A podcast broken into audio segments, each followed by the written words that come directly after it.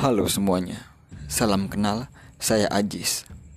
Di podcast ini, saya akan menuangkan segala hal yang menggelayut di kepala tentang rasa-rasa, entah itu suka dan duka, entah itu cinta dan luka.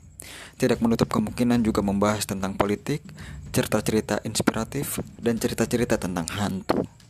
Tergantung dari apa yang sedang ramai diperbincangkan sekarang, dan tergantung pada narasumber yang bersedia diajak berbincang. Selamat mendengarkan. Selamat menikmati.